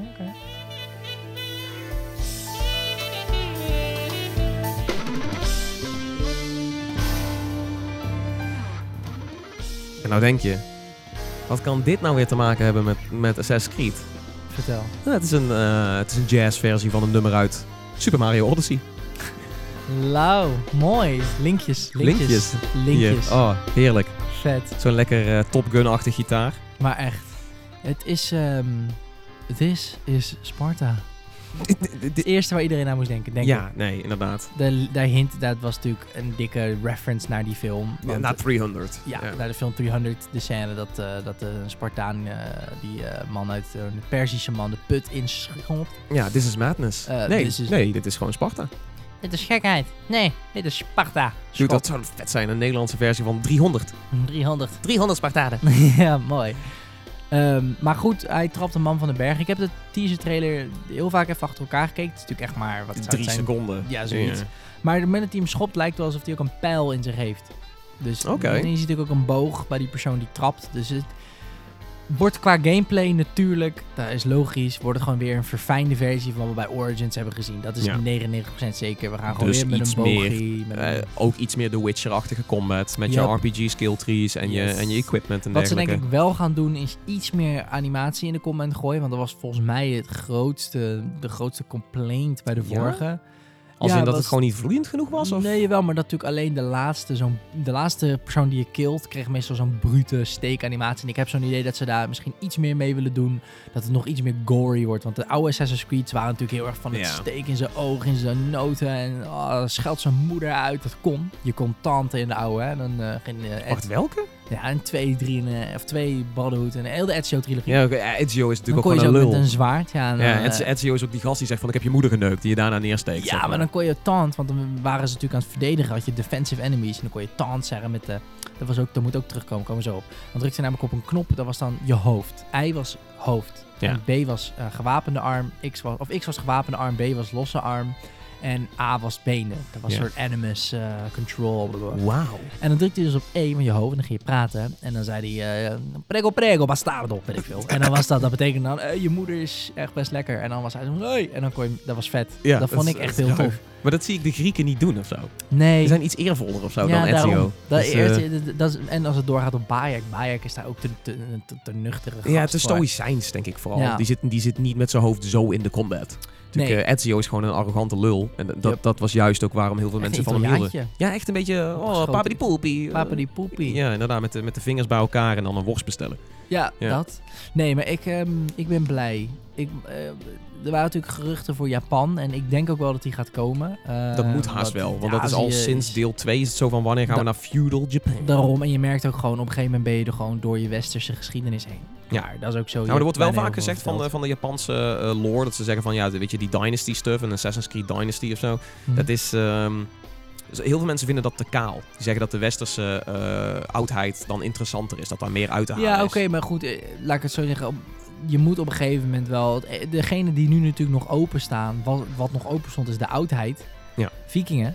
Ja, dat is een beetje, als je dan denkt van eh, eh, vorig jaar Egypte, dan eh, komend jaar Griekenland, zou je zeggen Ja. van de, vorige, de, de keer daarop zou je heel makkelijk iets Scandinavisch kunnen gaan doen. Juist. Of zo. Dat zou wel gaaf zijn. En, en, maar da- dan is de, de meeste mainstream history hebben we dan al wel gehad. Wat de Ja. mensen herkenbaar vinden. Weet je, we hebben piraten gehad, we hebben kolonisatie gehad, we hebben Parijs gehad. We hebben, ik, zie ook nog wel een, ik zie ook nog wel een Genghis Khan Mongols deel ja, maar dat is op zich... Ja, oké. Vind ik ook nog wel te Dat doen. komt, ja, dat is natuurlijk een beetje early mi- Middle Ages. Is dat een beetje toch? Ja, daarvoor wel. Dat is wel echt... eh, 400 of zo? ja, ik, vind- ik, mijn geschiedenis is niet zo heel goed. Maar het, is, het is wel pre-middeleeuwen. Ja, maar niet heel veel premie-eeuwen, geloof ik. Ja. Ehm, maar anyways, eh, Griekenland. eh, ik hoop Bayek. Ik hoop nog veel meer zijn vrouw, Vak Bayek. Bayek bestond helemaal niet in de lore. Die is gewoon bijverzonnen, want mannen kopen een game sneller als er een man op de verpakking staat. Ehm, maar ik vind zijn vrouw veel vetter. Ik zal het spoiler-free houden, maar zij is, zij is gewoon veel vetter, geloof mij.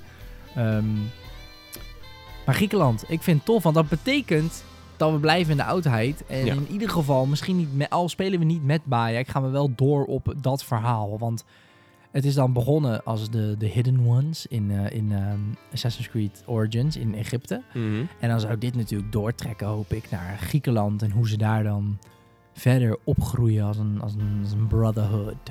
Ja, want eh, uiteindelijk moet het daar natuurlijk weer op uitmonden. Want we zitten nu, we zijn een beetje de, de origin story nog steeds van de, van de Assassins aan het vertellen. want ik vond namelijk dat in Assassin's Creed Origins het verhaal op het eind enorm werd afgeraffeld.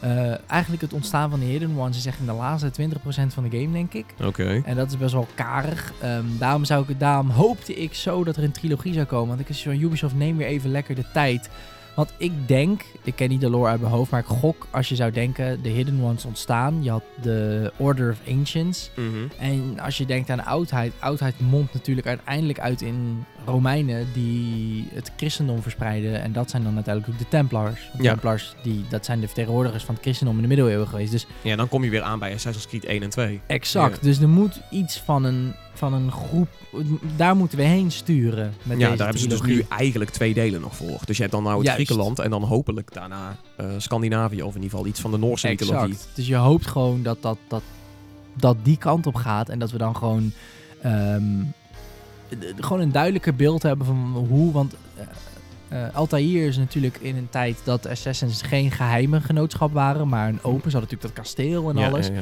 En iedereen is natuurlijk wel benieuwd van ja, daarna werden ze weer geheim. Toen na de dood van eh El Mualim. Spoiler alert. Als je deel 1 nog niet hebt uitgespeeld, sorry, wat doe je?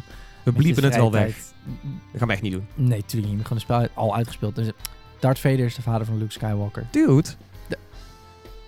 Ik doe een andere, ik volg een andere volgorde. Ik moet die films nog zien. ik kijk één, ne- Negen. zeven. Rogue One. ja. maar ehm, ja, het is gewoon eh, eh, ehm, vet, vind ik. Dat ze nu teruggaan naar Griekenland, doorgaan naar Griekenland.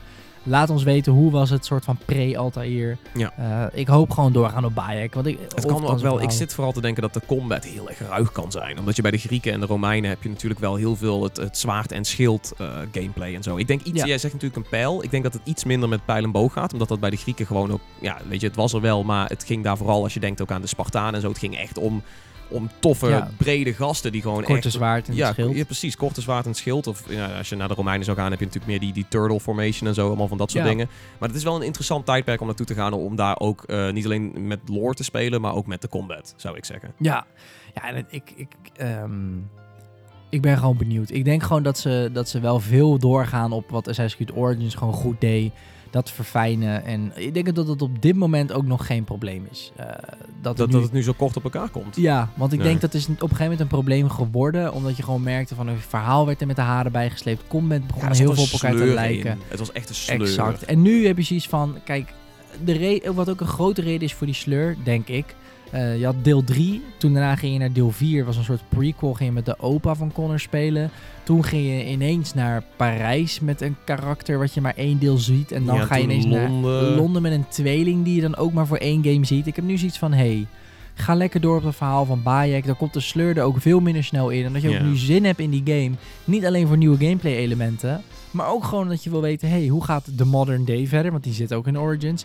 En hoe gaat het verhaal verder van Bayek? Hoe gaat het nu? Gaat hij met zijn vrouw naar Griekenland? Gaat alleen zijn vrouw naar Griekenland? Gaat hij alleen naar Griekenland? Of spelen we met een andere personage die wel linken heeft met de Hidden Ones? Want ik denk dat het dat is. Ik zou, ik zou denken dat ze Bayek niet, niet terugbrengen. Nee, maar dan zou Wel alleen als, als, als cameo dan. Juist, en dan zou ik wel denken dat zijn vrouw wel in het verhaal verwoven zit. Ja, dat die- soort die, dingetjes. Die, spoiler-free heeft wel wat te maken met Griekenland. Ja, nee, oké, Dus- oké. Dan, dan zou je inderdaad zeggen dat daar het 1-2'tje zit tussen dan eh, Ja, dat ze Odyssey daarmee- dat ze en, dat eh, bruggen. Ja. Ehm, en ja, natuurlijk, ja, de, de, de, er valt veel te zeggen over de Grieken in de oudheid. Ehm, En Ja. natuurlijk hoe hun kunnen linken aan, aan eh, voorgangers van, van tempeliers. Gaan we Troje zien?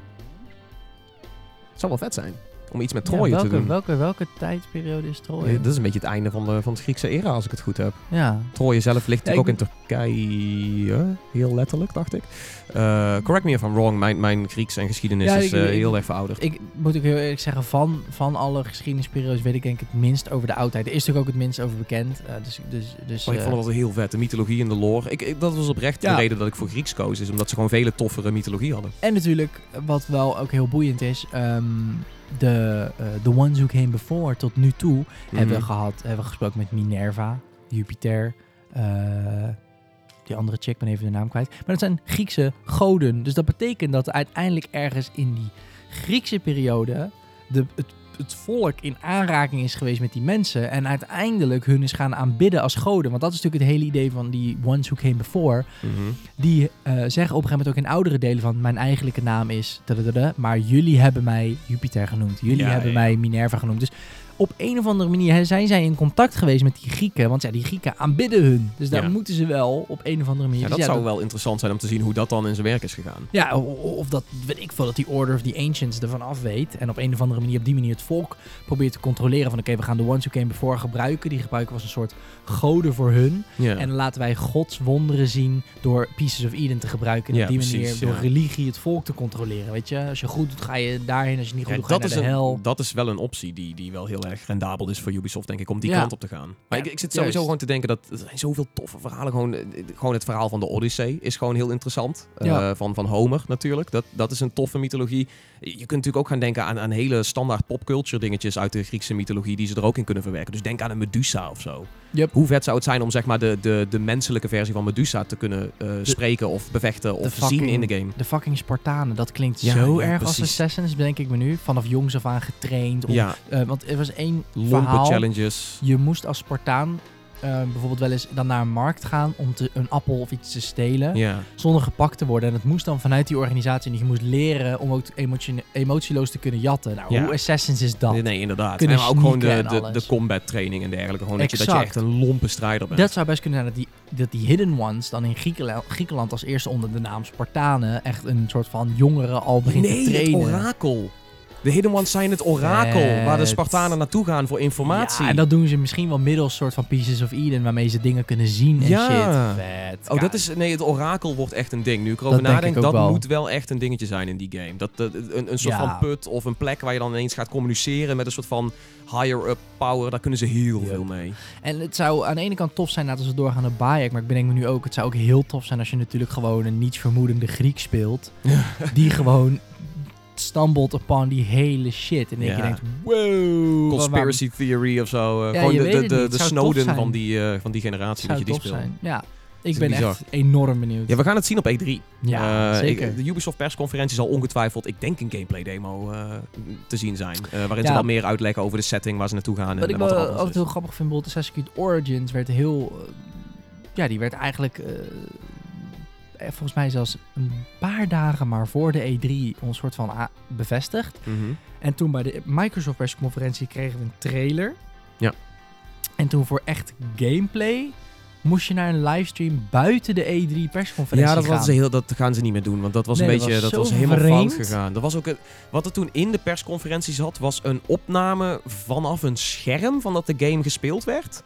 Was heel, Ja. was heel apart. Het was niet Was gewoon soort- gameplay te ja, laten zien. Ze, ze lieten een soort van demo zien, terwijl iemand de game op een, op een klein Ja, schermpje runde in een overbelichte kamer. behind the scenes trailer van oh we have been working on Assassin's Creed Origins for uh, right after we were done with Assassin's Creed 4 Black Flag bla bla bla en dan moest je inderdaad voor de gameplay naar een soort aparte livestream wat altijd kut is want livestreams zijn vaak 1080p mensen met slecht internet krijgen korreligheid je wil gewoon een gameplay demo die direct daarna 4K 60 frames op YouTube staat dan kunnen mensen hem 30.000 keer terugkijken en hyped worden Ehm, maar ik denk inderdaad trailertje en gameplay bij de Ubisoft persconferentie. Misschien trailertje bij eh, Microsoft. Van Microsoft is eerder. Trailertje bij Microsoft, gameplay bij Ubisoft. Ja, dat ze dat weer Dat doen. ze Dat ze dat linkje weer hebben. Ja. Dat het, nou, dan is Odyssey natuurlijk ook weer zo van...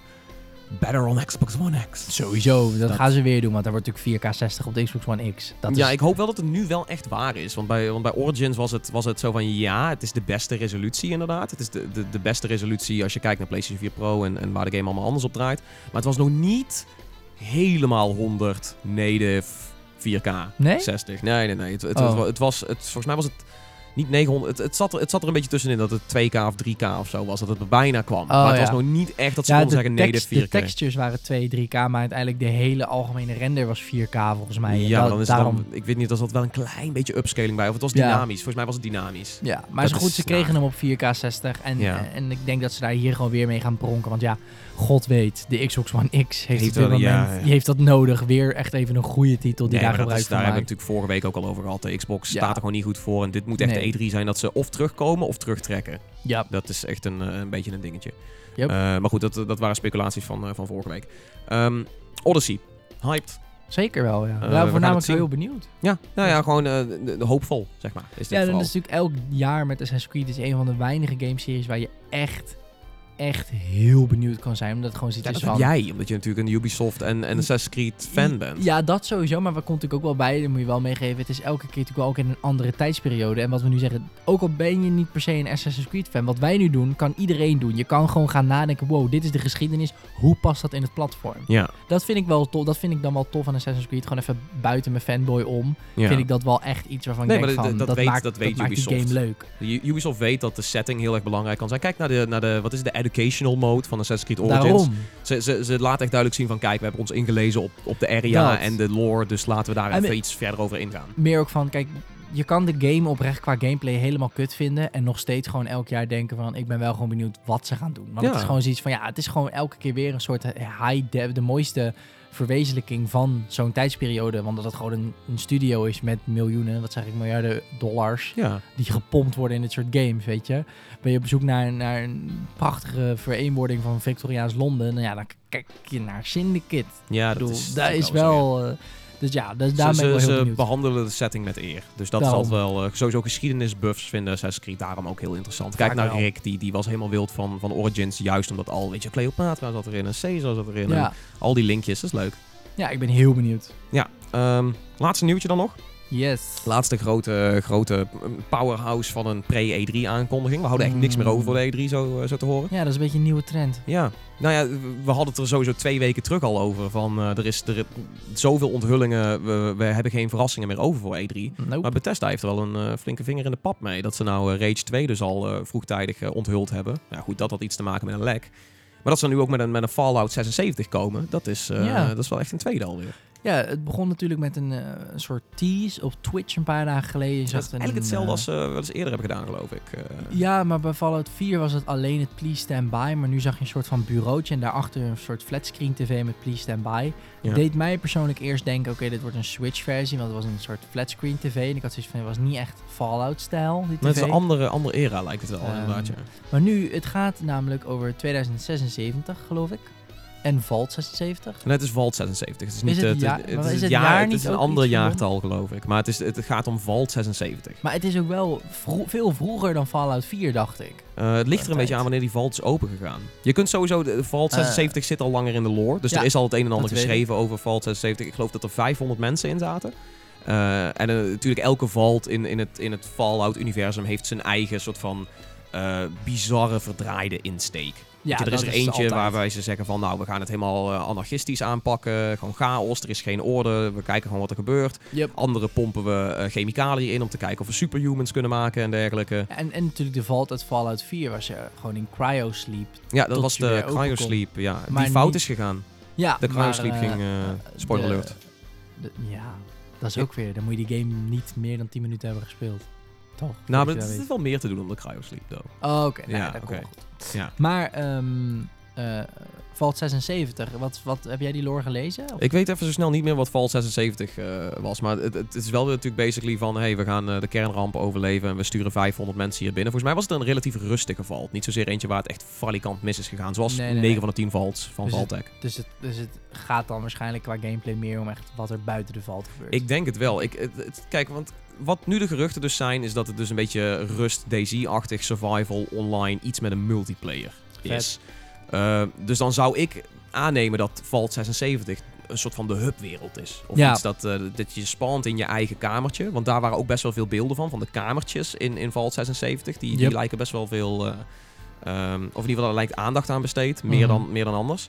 Dus het, het zou me niet verbazen dat iedereen bijvoorbeeld zijn eigen eh, kamertje krijgt. En dat je dan kan beslissen van ik ga, ik ga de open wereld in met iemand anders of zo. Of in ieder geval, dat is misschien ook wel een beetje waar ik op hoop. Dat je Dat gewoon, je begint met z'n allen in die vault. Je kunt daar misschien matchmaking doen of iets dergelijks. Dat je met mensen één vault in kan. Dat je zegt kom we gaan samen Ja, naar en, en buiten. dat bouwen van Fallout 4. Ja, daarmee hebben ze dat survival Shit. aspect eh, hard kunnen maken. Ja, dat, v- moet gewoon, want dat, dat, als dat, dat niet multiplayer was in Fallout 4, was ook echt een groot gemis aan die game. Nou, dat, je- kijk, Peter zegt altijd van ik wil gewoon een Fallout co-op hebben. Eh, wat ik Ja. ergens ook wel weer begrijp, maar de kracht van Fallout vind ik ergens ook wel weer liggen in het, in het solitude gedeelte. Echt in de eenzaamheid Ja, en weet je, de Dat lone wanderer zijn, basically. Dat is ook zo, maar ik bedoel meer ehm, dat... eh, De setting hoe- leent zich voor Ja, hoe- een multiplayer. Maar meer ook hoe Fallout 4 dat, dat soort van bouwen van je settlement had opgezet. ja, craften van Ehm, wapens ook. Kijk, bizar. door de wereld gaan was inderdaad best wel Lone Wanderer. Maar het soort van neerzetten van miniguns. En dan moest je iemand vanuit jouw settlement assignen om daarop te gaan zitten. Maar ja, hoe vet zou het zijn als je daar gewoon met 20 man kan lopen. En een fucking settlement kan opbouwen. Turrets kan neerzetten, weet ik Ja, veel. dat zou echt hilarisch vet zijn als we Ja. ergens in een open wereld gewoon onze eigen settlements inderdaad kunnen bouwen. Of dat we in ieder geval gewoon een, een Fallout avontuur samen kunnen beleven. Maar goed, het, Exact. Het zijn nog geruchten. Ja, Ehm, voor hetzelfde geld is het gewoon singleplayer spelen. dat zou ook wel weer kunnen. Maar dan, ik vind de, de titel daarin heel apart. Ja. Want het is niet een New Vegas-achtig dingetje. Het is niet zo'n soort spin-off. Dus dan zit je toch wel weer te denken van waarom, waarom valt 76? Waarom sowieso de naam van de game, de hoeveelheid valt? Het, het, het, het voelt spin-off-achtig. Dus je zou zeggen dat het niet... Het voelt meer spin-off dan New Vegas een spin-off was. Ja, en het voelt ook heel erg natuurlijk dat de aandacht dus blijkbaar enorm ligt op de Vault. De Ja. Vault is blijkbaar is er iets aan die Vault waar, waar ja, je zou niet de game vernoemen naar de Vault als uiteindelijk gewoon is van oh ja, de Vault, eh, daar stap je uit. Ja, dat zou... Ja, want, dan, dan- want dan had het vorige deel had, had Fallout 101 moeten heten of zo, ja, weet want je wel. Fall- inderdaad in Fallout 4 was de Vault uiteindelijk niet eh, het belangrijkste. Er gebeurden daar dingen die belangrijk waren, maar Ja. je was al binnen eigenlijk een kwartier spelen uit je Vault. Ja, maar dat is een beetje, dat is, dat is in elke Fallout is dat een beetje het, het punt geweest. Zo van, je komt uit een vault in de post-nuclear wasteland. Ja, eh, en vaak kun je dan terug naar de vault. Maar goed, dat is je keuze. Weet je wel, van ga jij nog eens een keer checken op de vault waar je uit bent gewandeld? Of, of ga je gewoon lekker de wereld in? Eh, dat is bij Fallout 1, 2, 3, 4 altijd zo geweest eigenlijk. Eh, Kun je ook, eh, bij Fallout 4 kun je natuurlijk ook terug, dan is er iets minder te doen. Maar Fallout 3 is dat een groter aspect en bij 1 en 2 ook. Ik geloof dat het 1 Ja. is waarbij je zelfs, je wordt de vault uitgestuurd om de vault te redden. Maar goed, dat is ook weer een Juist. keuze of je dat gaat doen. Dus nou dat is het ding. Ja. ja, dus je zou zeggen dat er nu nog meer om de val te doen is. Dus daarom zou ik het niet gek vinden als dat een soort van hubwereld is. Of eh, dat dat je, je, main base of operations zou kunnen gaan worden of zo. Ik hoop het in ieder geval. Het zou ook heel tof zijn als je natuurlijk bijvoorbeeld dan juist erop uitgestuurd wordt om dingen voor je val te doen. Ja, En precies. dat dat inderdaad dan een soort van je main... eh, Maar goed, dan zit je weer een beetje met van... willen ze niet settlements out in the open? Want dat was natuurlijk wel een sterk punt van Fallout 4. Tenminste, was ik wel vond een de base building vetter. leuk. ja, dat is... En zeker in multiplayer lijkt me dat tof. Gewoon kamers maken voor iedereen. Ja, en één iemand die lekker aan het bouwen is... maar dat je dan iemand anders erop uitstuurt van... jongens, we hebben nog hout nodig voor dit eh, vloertje Ja, hier. dat is gewoon multiplayer en dat soort dingen altijd leuker. Want Ja. je kan dan gewoon taken verdelen. Ja, maar dat doet ook denken aan Rust en aan, weet ik veel, een Conan Exiles of zo. Van, het hey, jongens, zelfs we- een klein beetje denken aan Stardew Valley. het doet zelfs een klein beetje denken aan Minecraft. Minecraft zelfs. wauw. Het good old Minecraft, Good mate. old, good old fucking Minecraft. Ja, nee, maar ja, dat is wel waar. Dat soort Ja. crafting, survival dingen kan je altijd wel teruglinken naar dat soort games. Ja, maar goed, dat is Fallout 4 heeft dat natuurlijk voor het eerst in die, die franchise echt geïntroduceerd van Ja. dat ze meer op het crafting gaan het zitten. beviel best wel goed bij de Ja, ik, meeste gamers. ik, vond het, eh, ik vond het ook heel erg tof. eh, dat je gewoon één wapen hebt, wat je gewoon continu aan het, aan het upgraden bent. En dat je gewoon telkens weer denkt van, oh, ik moet wat meer adhesive hebben. Ik moet wat meer glue vinden, zodat ik daadwerkelijk ook die scope op kan zetten en zo. Klopt. Dat was een, oh god, Fallout, dat was, dat was een, heerlijke game. God fucking damn. Yep, Ik heb dus- 4. Ik ga weer Fallout spelen. Ja, dat snap ik wel. Ik ga weer Fallout 4 bestarten. Maar dat is dat ding. Dan zou ik nu gewoon tegen jou willen zeggen, oh vet, dan join ik je. Ja, dat Want is, dat ja. is- zou zo ziek zijn, een soort van dat je dan allebei je gun aan het upgraden bent, maar dat we dan samen een settlement aan het opbouwen zijn. Ja, dude, pas op een Deathclaw achter je rennen. Fucking Deathclaws zijn ook zoveel leuker, denk ik, om met meer man te moeten neerhalen. Want het echt Ja. een soort MMO-achtige boss waar je dan met z'n allen op moet gaan zitten schieten en hakken. Zou de Deathclaw ook wel eer aan doen, want de Deathclaw hoort gewoon altijd een ontiegelijk lastige enemy te zijn. Daarom. Of een Behemoth. Weet je wel, de, super mutant Behemoth. Dat is natuurlijk ook wel echt zo'n dingetje. Bizar. Ja, ik ben heel benieuwd. Eén klein dingetje wat misschien nog zou kunnen, bedenk ik me nu. Zou ook wel heel tof zijn. Dat je ook gewoon, dat het nog meer MMO'ig wordt of zo, of nog meer RPG'ig. Dat je misschien ook wel als Super Mutant kan spelen. En dat je ja, maar als je weer uit een vault komt, als, dat, als de premise is dat Ja, je uit dat een waar. komt, zijn dan je natuurlijk maar een... niet zijn. De, de, de vaults waar super mutants gemaakt zijn, dat is natuurlijk altijd een beetje gecrashed. Ja, dat Dus is dat, waar. dat is, het zal waarschijnlijk wel een human... Nee, I'm not gonna eh, get my hopes up. Maar het zou vet Ja, zijn. ik, ik denk eh, super mutants. Ja, dat ik zit dan gelijk zijn. te denken aan een soort van Elder Scrolls-achtige elementen, dat je dat aan het begin dan zou kunnen kiezen. Maar ik denk het niet, want je wordt wel echt een mens, want het moet wel echt vault-based zijn. Want het wordt, Ja. de game is vernoemd naar die vault, dus er moet iets in precies. die vault zijn. En de vault zag er nog menselijk uit. Alsof het nog... In ieder geval dat ze een aantal tiental jaar wel erin hebben overleefd. Ja, Het is niet direct fout gegaan of zo. Misschien gaat het nog Nee. wel fout. Maar dit ligt er een beetje aan wat het narratief of überhaupt de insteek van 76 wordt. tja. Ik ben echt heel benieuwd. Ja, ik ben ook heel benieuwd. Oh, wederom een eh, gevalletje. We gaan op de E3 meer horen. Ja, dat doen ze tegenwoordig heel vaak. In plaats van dan de grote reveal. Ja, en dat vind ik ergens ook wel jammer, want ik vond altijd wel lachen, die verrassingjes. Ja, die zitten er mis- misschien nog steeds in. Ja, weet je. Het kan nog steeds zijn dat ze, dat ze een grote reveal doen. Iets, iets wat je niet zou verwachten of zo. Splint- Maar, Splinter Cell is de grote verrassing bij Ubisoft. ja, dat, dat zou je zeggen. Moet. En bij, bij, een, eh, bij een Microsoft is het Fable of Halo. Zouden de grote reveals kunnen zijn. Ik heb Eh, zoveel zin in een nieuwe Halo. Ja, Bethesda zou alsnog iets met de Elder Scrolls kunnen doen. Dat is een hele, hele kleine kans. Maar eh, ook Bethesda heeft nog wel een aantal tricks op their sleeve. Je kunt ze gaan niet de twee grootste games revealen voor. E3 Nee, maar dat is, het- dat, is, dat is inderdaad de koep waar je dan gelijk aan denkt. Van, ja, waarom zou je dan je gewoon... Maar aan de andere kant, bijvoorbeeld EA heeft Battlefield 5 gewoon uit de doeken gedaan. Dat is hun grootste speler met FIFA. Kijk, FIFA is geen verrassing. Nee, nee, nee. Eh, maar Battlefield in principe ook geen verrassing. Maar de inhoud van Battlefield is vaak een verrassing. Maar Ja. hebben ze ook voor... Dus het kan ook gewoon zijn dat Bethesda gewoon al hun kaarten heeft gespeeld, hè? Dat, dat zou ik een aparte set vinden. Want dat, Ja. ze hebben natuurlijk al eentje... één kaart is voor hun gespeeld. De Rage 2 kaart was al gespeeld zonder hun... True. Nou goed, daar zijn ze toen Ja, dan zou je op zeggen ingegaan. postpone dan de Fallout 76. Ja, precies. Dan, dan eh, hou, hou de rest van je kaarten bij je. Maar het feit dat ze deze nu ook al op tafel leggen... is wel een soort van statement. Van misschien is dit nog niet alles. Aan de andere kant, misschien juist omdat Fallout niet een volwaardig nieuwe Fallout game is, wilden ze niet dat als verrassing gebruiken. Omdat dan zoiets van, jongens, dat is misschien weer en- teleurstellend. Ja, een Fallout, maar het is wel een... Het maar, is de Elder Scrolls Online wel een Fallout. Terwijl nu, als je hem nu al aankondigt, is er heel even die... Nieuw Fallout, nieuw Fallout. En dan gaan mensen al heel snel relativeren en speculeren van... Oké, het is niet Ja, en dan, en 5. dan kun je het nog, nog aansterken door een toffe reveal te doen. Is nu de verrassing van... Een gameplay jullie- trailer die helemaal singleplayer is. En op het laatst zie je in één keer gewoon allemaal mensen erbij komen voor zo'n gevecht of zo, weet je wel. Vet dat je inderdaad... Oh, dat je dan aan het schieten bent op een Deathclaw. Ja, en dan ineens komen... Zo'n met, guy met van hoort. die, eh, van die super neppe eh, voice chat. Dat vind ik altijd zo mooi aan de E3. Zo van, eh, oh, look at this, I found this new gun. Wow, that's amazing, man. What is it? Ja. Oh, yeah, no, it's a level 4 uh, laser rifle. Oh, I'm so glad for you, man. Come on, let's go take out this Deathclaw. I'll take behind, you take front. As you can see, the multiplayer in Fallout... Zeg maar dat dan tussendoor dat één zo'n hoofdpresentator Oh. nog dan praat over wat zij doen. En zij Oh. reageren daar gewoon niet op. Dat Ik- is zo cringe. Ik vind dat eh, een beetje een soort van de vaste E3-troop waar ik zo van kan genieten. Gewoon echt ja, de, de Ubisoft heeft er lang een handje van gehad. Eh, Mhm. De Anthem-trailer vorig jaar had het ook. Yep. Hele De, Div- neppe... de Division had het zelfs, er waren de mensen zeg maar on stage. En dan, hey, let me join you guys. Um, I'm gonna... Want dat was toen, toen nog helemaal geil. eh, van de smartphone. Oh, eh, smartphones. Heb je een iPad thuis en geen Xbox? Ja. Oh, dat kan. Wat- het? De oh, Companion app. Companion Ja, app. ja, daar hebben ze, hebben ze eruit gehaald. Dat iemand een drone kon spelen. Ja, daar kon iemand maar die trailer, ik zag hem laatst ook weer, weet je wel, met, met de voice acting erbij. En het is zo cringy eigenlijk dat, eh, weet je dan, of doe het gewoon echt zoals het echt zou zijn, weet je wel. Dat mensen ook domme grappen tussendoor gaan vertellen of vragen van, eh, you guys interested in a new Call of Duty?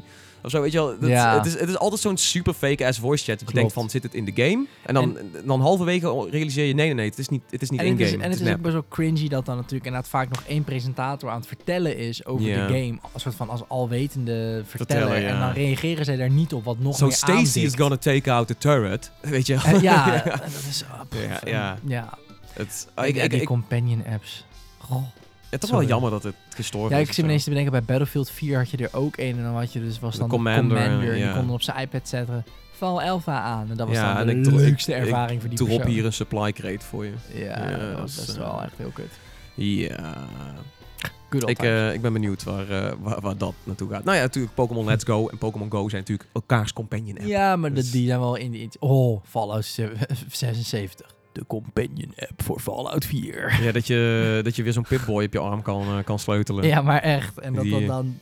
Oh, ik zag ook allemaal van die memes voorbij komen. You can now play Skyrim on the Pip-Boy in Fallout. Ja, dat is, eh, zou me echt niet verbazen als ze daar een, een, een grap in Nog doen. een release. Ja, Ja. Zijn, zijn ze self-aware over de Skyrim eh ports? Ik denk het wel, Eh, want bijna- ze hebben zelf ook wel door van... Oké, we hebben deze kaart één keer te veel gespeeld eigenlijk met de Switch. Als in, de release op de Switch is niet verkeerd. Maar omdat dat weer zeg maar, zo werd aangekondigd Ja. als het soort van... Het nieuwe idee van Elder Scrolls is de Switch release van Skyrim. En het jaar daarvoor hadden we natuurlijk de Definitive. Edition. Ja, die was één te ver, waardoor, waardoor, heel veel, waardoor het gememd is. Ja. Nou, sowieso eh, vorig jaar vond ik het al, eh, vond ik het eigenlijk al een beetje te ver gaan. Of eh, twee jaar terug dan, weet je. Met, eh, dat ze dan heel erg zo waren van, oh, Elder Scrolls. Skyrim, maar dan nu een HD-editie. Weet je, dat Yep. was echt zo van iedereen als iets van, oh, Elder Scrolls, Elder Scrolls, Elder Scrolls. En dan kreeg je die, die Oh, kuk lul. Ja, keihard Ja. gekukt. Maar ja. Zeker gekut. ja. Elder Scrolls 6 Argonia. Nee. Nou man, eh, fucking uh. Valenwood. Hmm, Maar goed, ik, dat, denk ik... eh Elsewhere is trouwens ook tof. Maar eh, dat denk ik pas dat er volgend jaar... Ja, daar gaan we nog. Ik ben daar ook van teruggekomen. Ze en gaan- omdat hij niet in de league zit en nu En in de, Fallout. ja, het Fallout en Skyrim kunnen niet... Of eh, Fallout en de Elder Scrolls kunnen niet Nee, tegelijkertijd. ik denk dat ze deze... Dit is gewoon het, het, suikerklontje wat ons nog een jaartje zoet moet houden. Ja, volgend jaar dan, dan, een Fallout-eske reveal van de nieuwe Elder Scrolls. Ja, dat Ja, denk ik. zie ik ook wel zitten. Helaas, maar aan de andere kant ook wel goed. Ja, ik laat me nog steeds verrassen. Ik denk als wij hier Ja. s'nachts zitten om die Bethesda shit eh, te coveren, dat ik eh, nog steeds zoiets heb van, hé, hey, weet je, als het komt, dan komt het. Helemaal prima. Daarom. Oh, dat Maar, een eh, dikke nachthype. Maar nu vooral gewoon echt heel hoopvol voor Fallout 76. Ja, dat vet is wel zijn. veelbelovend. Ben je nou zelf ook benieuwd eh, wat het zou kunnen zijn? Of heb je een goed idee? Laat het ons weten. Je kunt altijd mailen naar eh, podcast.gamersnet.nl. Eh, ook gewoon als je gekke vragen hebt of je wil een leuk woordje indienen. Ehm, ik wil ook nog een speciale shout-out geven aan ons allervriendelijke vriend Marijn. Die op ons heeft gestemd in een, in een podcast-competitie. Thanks, Marijn. drie, drie toppers van podcast had hij had hij in zijn inschrijfformuliertje gezet. Dat hij gedeeld op Twitter. Zei van jongens, dit is, stuk voor stuk zijn het aanraders. Pod podcast stond eh, bovenaan. Dus eh, thanks Marijn. Dat Nou, soort, dat, eh, ja, dat soort liefde zien we graag. dat ontroert me dan. Ja, maar Sorry gewoon, En normaal. Sorry. dit is gewoon de eerste keer dat iemand iets aardigs zegt. Het is gewoon fijn. Over de podcast. Dat is- Eh, nee, maar oprecht. la- laat, Ja. een, laat een rating achter op iTunes als je op iTunes Zeker. luistert. Als je op Soundcloud luistert, je kunt altijd natuurlijk likejes achterlaten en ons volgen. En, en ook reacties. We zijn sowieso heel erg voor het nabespreken van deze, deze show. Eh, met jullie. Dus eh, als je iets achterlaat op Gamersnet, op Soundcloud, eh, waar dan ook, stuur ons een tweetje. Dat is altijd leuk. We willen alles meenemen. Vooral ook de vragen en de leuke opmerkingen die jullie in willen sturen. Podcast.gamersnet.nl. Jullie bent welkom. Ja. Man, Man, wat een, wat een show. Wat een show. Wat een onderwerp ook. Weer Ja, een heleboel het- zo het- het- aangekondigd. Ik denk dat het zo door blijft gaan tot de E3. Dus dan hebben we nog Ja.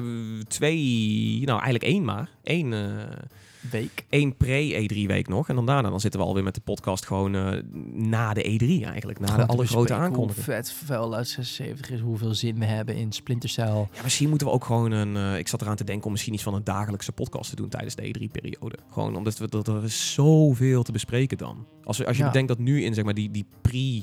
De pre-weken, dat er nu al zoveel te bespreken is. Nou, dan Klopt. gaat het straks gewoon helemaal los. Ik denk dat we dan makkelijk urenlang kunnen praten over allerlei nieuwe games en aankondigingen en jalalala. ik Ehm, ben eh, ontzettend benieuwd. Laat ook weten, willen jullie dat? Hebben jullie zin in de E3? Ja. Wat vinden jullie van de podcast? Wat vinden jullie van, Wat vind je van. Salim? Wat vind je van Pokémon Let's Go? Van Fallout je- 76? wat vind je van Tom? Als persoon? Als persoon? Of als journalist? Oeh. Of als Mens? mens? Als lover. Als lover? Oeh, Jiska, wat vind je van Tom als lover? Zoals het laatst al op Discord aan het mededelen. Het was, het was, het was raar, maar oké. Ehm, ja, eh, dat is eh, ook een beetje onze laatste eh, public service announcement. Je kunt ons overal vinden. We hebben een hele gezellige Discord-server. Salem zit er nou ook op. Ah. En we zitten natuurlijk op Twitter, Facebook, YouTube, Instagram. Je kunt ons overal vinden met toegankelijke, interessante content. En we staan overal duivenpost. open voor interactie. Ja, duivenpost mag je ook doen. Sure. Prima. Eh, kogelbrieven. Ja. Antraxbrieven. Antrax, ik wou zeggen. Ja, Anthrax. ja, alles, eh, alles mag. C4 Goed. aan de deur. Zeker, death Ja. embrace me. Dat, Ja, dat, Eeuwige rust. Maker Hein, stuur iets in.